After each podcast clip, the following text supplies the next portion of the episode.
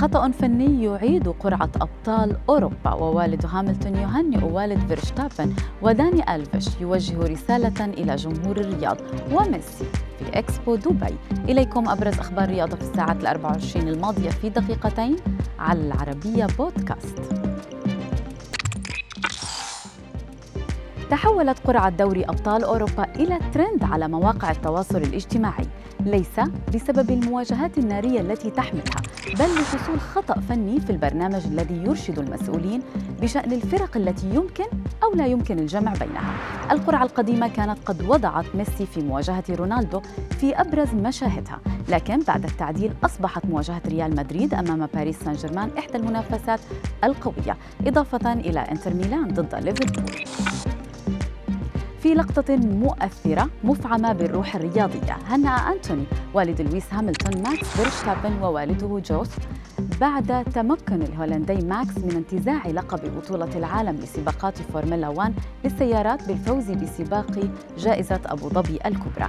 إثر تجاوز منافسه وابن أنتوني البريطاني لويس هاملتون في اللفة الأخيرة.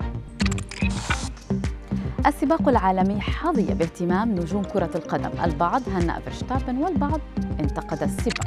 نجم توتنهام هاري كين قال إن البطولة سرقت من هاملتون وتابع. لست خبيرا في هذه الرياضة لكني أشعر أن شيئا غريب قد حدث وقد تم منح أفضلية غير عادلة لفيرشتابن. وأضاف لقد قدم هاملتون بالفعل سباقا مثاليا وسط ضغوط هائلة.